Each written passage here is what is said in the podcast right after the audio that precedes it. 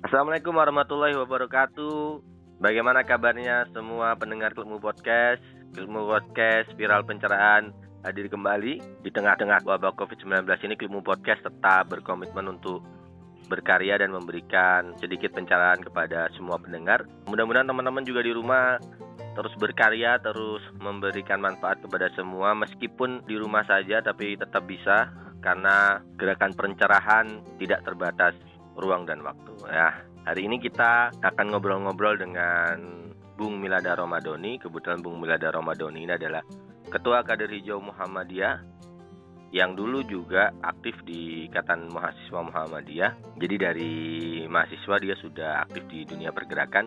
Kebetulan Kader Hijau Muhammadiyah ini adalah gerakan sosial ekologi di kalangan Muhammadiyah yang hari ini lagi gencar-gencarnya memperjuangkan isu-isu lingkungan di Indonesia ya. Oke, kita sapa Bung Doni. Bung Doni apa kabar? Iya, Assalamualaikum warahmatullahi wabarakatuh, Bung Sarul. Waalaikumsalam warahmatullahi wabarakatuh. Gimana Kabar Bung Doni? baik, Oke. kabar baik ini. Sekarang di mana ini? Di Bojonegoro Mas Ian, ini kan semua harus dirumahkan jadi kan pulang kampung. Oke, serasa ini ya di penjara ya Bung ya. Eh, Asalkan bersama buku kata Bung Hatta gitu. Oh, ya, asalkan bersama buku. Oke, Bung Doni, dengar-dengar nih Bung Doni ini kan juga kul- lagi kuliah di pasca sarjana UNER ya jurusan apa politik atau sosiologi? Ilmu politik ini. Wah, ilmu politik. Kelihatannya Iya. Menarik permasalahan kita ya kemanusiaan yang sekarang kita hadapi tentang COVID-19 ini menurut Bung Doni bagaimana dalam sudut Iya. pandang Bung Doni? Ya untuk menyikapi COVID-19 ini kan sebenarnya juga kompleks ya bisa jadi dari sudut pandang agama, ekonomi, sosial, politik, ya, ataupun sosial. Ya ini kan saya sendiri dari background politik, tapi awal di semester S1 saya di cenderung ke pemikiran. Jadi untuk melihat fenomena yang sedang ramai ini saya kok tertarik dengan bagaimana yang saya rasakan sendiri terkait di situasi yang awal mula saya masih di kota di Surabaya terus akhirnya pulang di, di, di desa atau di kampung. Ya, saya melihat adanya suatu kecemasan yang ini dirasakan masyarakat global tentunya ya masyarakat yang sudah mengalami suatu kemajuan ilmu teknologi yang mengagungkan suatu ilmu pasti dan sebagainya yang diagungkan itu tapi juga masih terlihat suatu kegagapan ataupun kekagetan ya kan, di dalam merespon atau menanggapi COVID-19 ini ya. ya kekagetan inilah yang menjadi suatu itu perhatian saya saya tertarik untuk mengamati ini dan ini terus menimbulkan suatu pertanyaan pada diri saya sebenarnya apa yang terjadi ya. saya bisa meminjam pemikiran filsuf di Mat- Martin Heidegger ya terkait tentang ada sebenarnya itu. Me- Tentang menanyakan konsep ada kembali tentang konsep ada. Dan ini ini menjadi menarik bagi saya. Bagaimana Heidegger ini tidak muluk-muluk pemikirannya dia hanya memikirkan selama ini memikirkan tentang konsep ada. Dan ini Heidegger mengacu bukan pada suatu bukan suatu pada objek-objek material tapi pada manusia yaitu ada yang dipertanyakan Heidegger adalah sebenarnya selama ini filsuf-filsuf di masa lalu hanya mempertanyakan apa itu manusia, apa itu manusia. Ini dibalik oleh Heidegger bagaimana pemikir-pemikir atau filsuf itu harus mempertanyakan siapa itu manusia gitu. Ya, sampai sekarang virus ini kan belum ditemukan vaksinnya ya, belum Ya. ditemukan vaksinnya. Jadi terus berkembang dan menyebar dan korban-korbannya juga terus meningkat dan meluas di seluruh dunia. Nah, dari struktur masyarakat modern yang saya sebut awal sebagai suatu masyarakat yang mengagungkan suatu ilmu pasti itu yang akhirnya ternyata juga masih mudah dibuat kaget dengan situasi-situasi yang mengguncang mereka sendiri akhirnya ini menjadikan suatu perspektif menarik bagi saya di mana kedatangan virus corona ini seolah-olah menjadi suatu kepastian yang rasional bagi masyarakat yang mengundang bencana kematian besar di suatu negara. Nah, rasionalitas ini menjadi suatu dalil masyarakat modern memang ya sebagai panglima hukum. Nah, begitulah masyarakat modern memang harus diperlihatkan katanya kan. Iya, iya. Meskipun demikian, pada akhirnya masyarakat positivis atau masyarakat modern ini juga tidak bisa terbebas dari segala perkara baru. Ya kan dalam memandang peradaban saat ini justru masyarakat modern mudah sekali dibuat terkejut dibuat bahasanya sekarang itu istilahnya kalau di YouTube ada istilah prank gitu kan. Iya, iya. Nah, ini bagi saya menimbulkan suatu masalah-masalah baru yang akhirnya juga membawa suatu pengurusan gaya baru dalam masyarakat modern yang juga menjadi biang kerok ya dari berbagai bentuk rekayasa mengaburkan segala realitas ataupun disebut dengan kebenaran semu dan ini akhirnya mengandung suatu dominasi kuasa dan mitos gaya baru contohnya pemujaan terhadap masyarakat kapitalistik saat ini ya ini menjadi dampak yang cukup kita rasakan. Menyingkapi pemujaan terhadap masyarakat kapitalistik, kita bisa contoh juga dengan Jen Boldrat yaitu simulakra bagaimana dia mengupas secara menarik masyarakat mulai dari Renaissance hingga saat ini masyarakat dipenuhi dengan citra dan informasi. Nah, ini membentuk suatu masyarakat konsumen di mana simulasi atau simulakra telah membuat citra menjadi suatu hal yang paling diminati dan diperhatikan oleh masyarakat modern. Nah, ini terkait suatu struktur masyarakat positifis atau masyarakat yang memuja suatu kepastian. Nah, ini untuk menyikapi masalah COVID, ini akhirnya saya tertarik dengan konsep yang dipikir oleh Heidegger yaitu ada menuju kematian. Nah, Heidegger itu ternyata sudah memikirkan bagaimana manusia Heidegger itu tidak pernah menyebut dia manusia, tapi menyebut dia sudah sains, ada di sana. Ya, ya. Secara tegas, Heidegger sebenarnya ingin menyampaikan bahwa Dasein itu adalah segala kemungkinan. Gitu. Nah, Heidegger menyebut bahwa manusia adalah segala kemungkinan. Nah, inilah yang menjadi satu titik poin bahwa sebenarnya dalam menyikapi COVID ini, masyarakat modern hanya cenderung larut dalam suatu struktur kepastian itu tadi. Oh, struktur iya. masyarakat pasti itu tadi. Nah, inilah yang menyebut yang saya sebut bahwa saya sendiri ataupun kita, kita kebanyakan di masyarakat kota itu menganggap ini menjadi suatu parade yang mengagetkan sekali bagi kita. Di mana yang awalnya kita itu merasa suatu ada kepastian-kepastian hidup dari sejak bangun tidur kita bekerja menerima gaji di, di akhir pekan kita liburan dan lain sebagainya ternyata ada suatu masalah kecil yang membuat ini berantakan semua.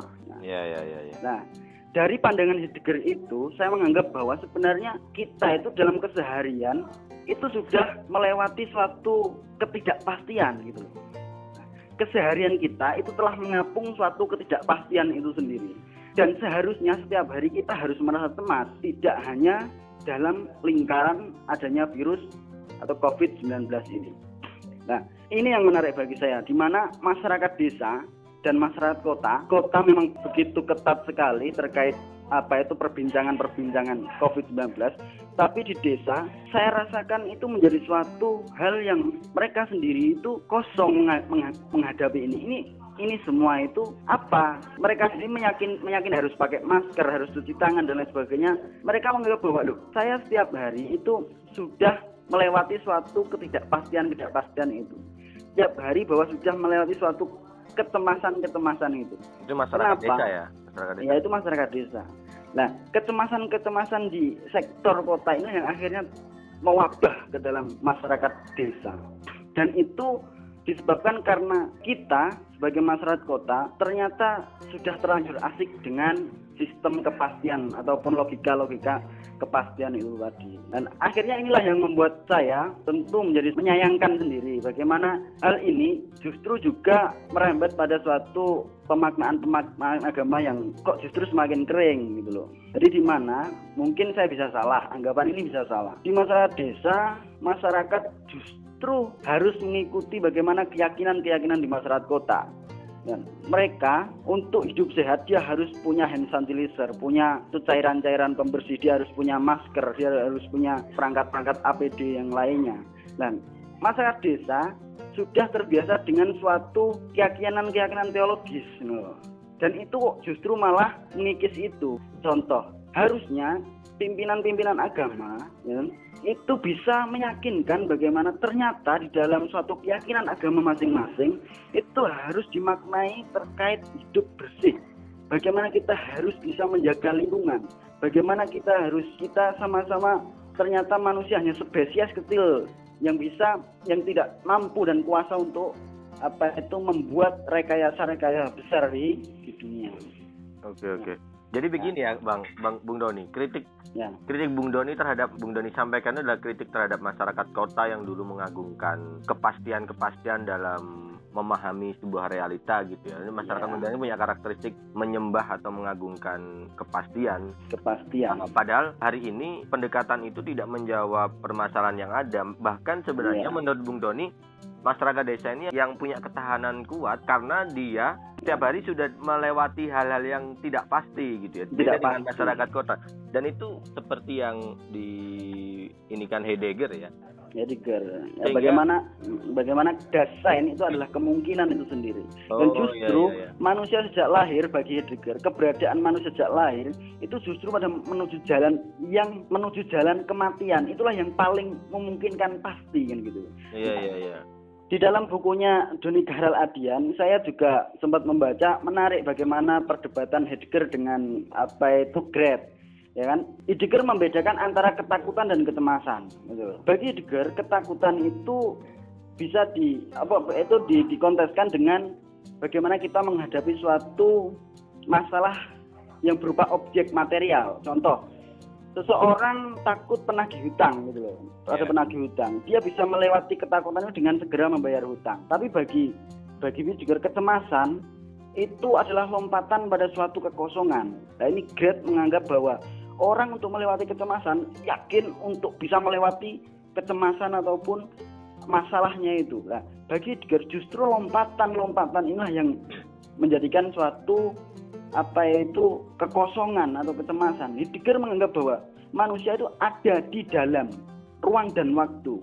Dia dia percaya bahwa manusia itu sedesain itu tidak mengetahui sejak awal ataupun akhirnya itu tidak mengetahui awal dan akhirnya itu tidak mengetahui dan ini kan sebenarnya bagi kalangan agamawan itu kan me- memang menjadi suatu akhirnya sudah menjadi suatu yang familiar Kepercayaan. Iya, menjadi menjadi sebuah kepercayaan di setiap agama ya. Iya.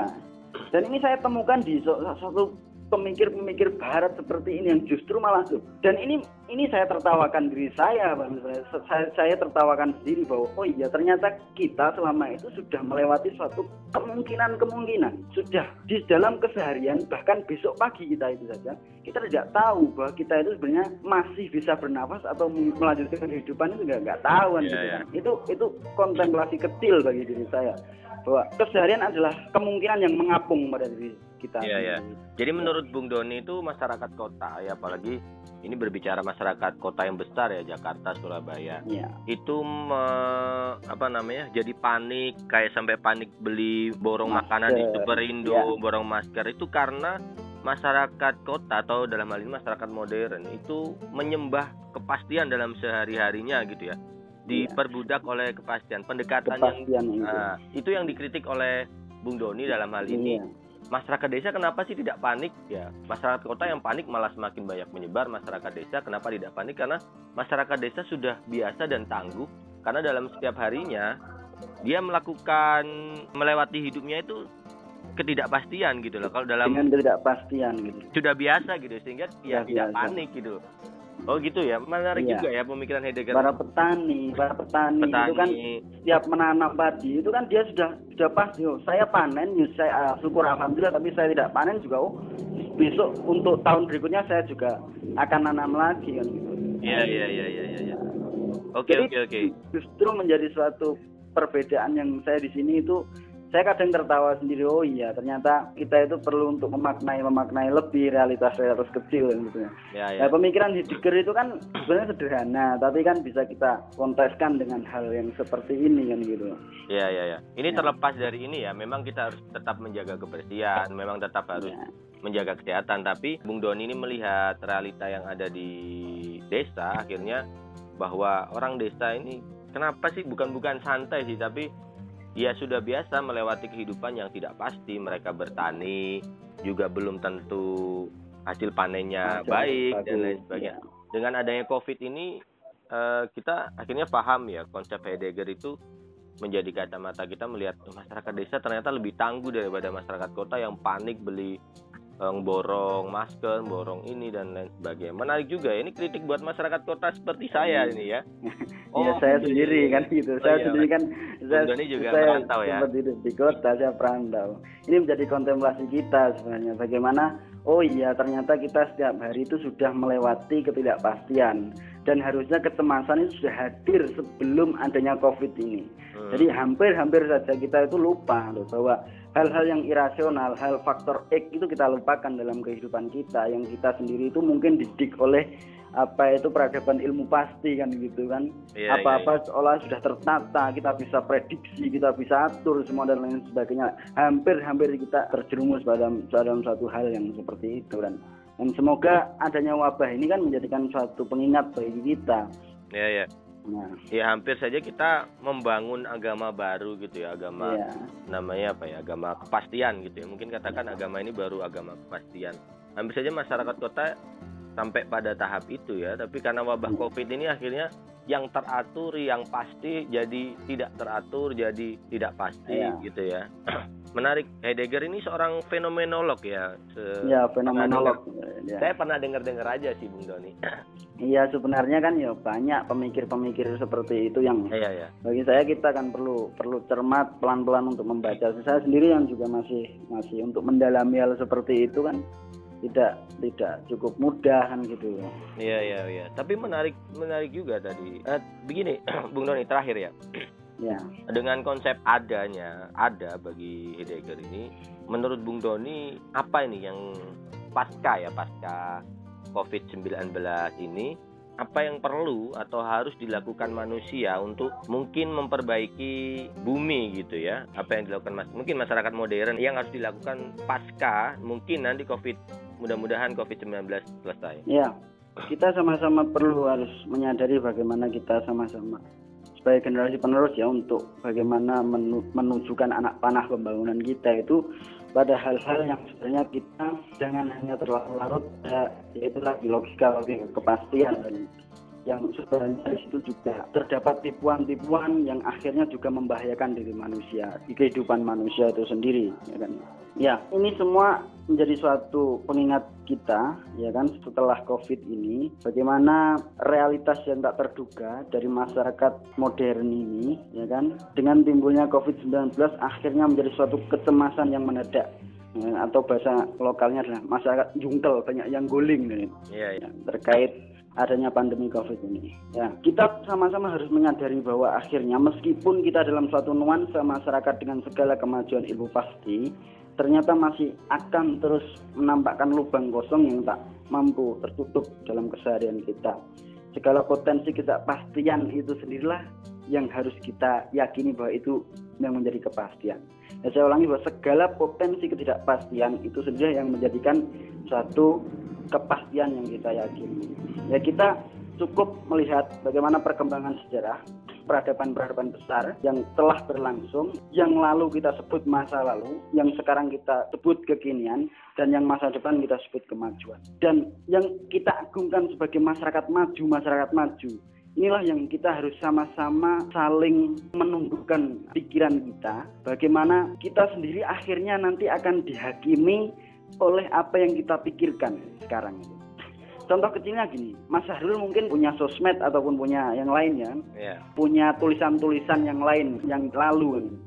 Dan dan di situ kita bisa lihat bahwa ternyata kadang kita itu tertawa sendiri ataupun kita itu kadang itu malu sendiri melihat ataupun membaca apa yang telah kita lakukan atau kita tulis gitu. Dan inilah sebenarnya apa suatu bentuk masyarakat yang akhirnya kita itu jangan terlalu terburu-buru mengejar suatu hal yang di situ itu nanti akan kita tertawakan sendiri dan mengancam kita itu sendiri. Kita akan dihakimi oleh suatu tindakan dan pemikiran kita itu sendiri. oke Kit- Ya kita sebagai kelompok muda mulai memikirkan bagaimana masyarakat membangun manusia itu juga membangun satu ekologi kan gitu. Bagaimana saya pernah menulis sebenarnya perjalanan suatu pemikiran yang dipikirkan oleh filsuf dulu itu mungkin dari kelompok mitos atau sebut mitologi ya kan ya? Iya dibantah oleh teologi, terus akhirnya dibantah oleh antropologi, dan di sinilah kita harus naik pada satu tingkat di mana antropologi yang kita agungkan atau ilmu kemanusiaan yang kita agungkan, kita harus geser menjadi suatu pembahasan-pembahasan ekologi dengan bagaimana manusianya spesies kecil dari ekosistem yang ada di alam raya ini. Cukup itu Mas. Oke. Luar biasa Mas Doni ya dalam dan mencerahkan. Saya rasa teman-teman klikmu podcast kalau masih penasaran dengan Bung Doni bisa nanti searching di akun Instagramnya Bung Doni yang kita taruh di caption Instagram gitu ya. Terima kasih Bung Doni. Ya, sama-sama Bung Sarul saya ya. segar ini otak saya ada tambahan pengetahuan dan punya kejernihan dalam memahami masyarakat hari ini ya. Mudah-mudahan teman-teman juga mendengar seperti itu. Terima kasih, mudah-mudahan sehat selalu, jaga kesehatan, jaga imun, ya. Doni, ya, ya. biar bisa ketemu lagi, ngobrol-ngobrol lagi di lain waktu. Terima ya. kasih. Assalamualaikum warahmatullahi wabarakatuh. Klikmu podcast viral pencerahan.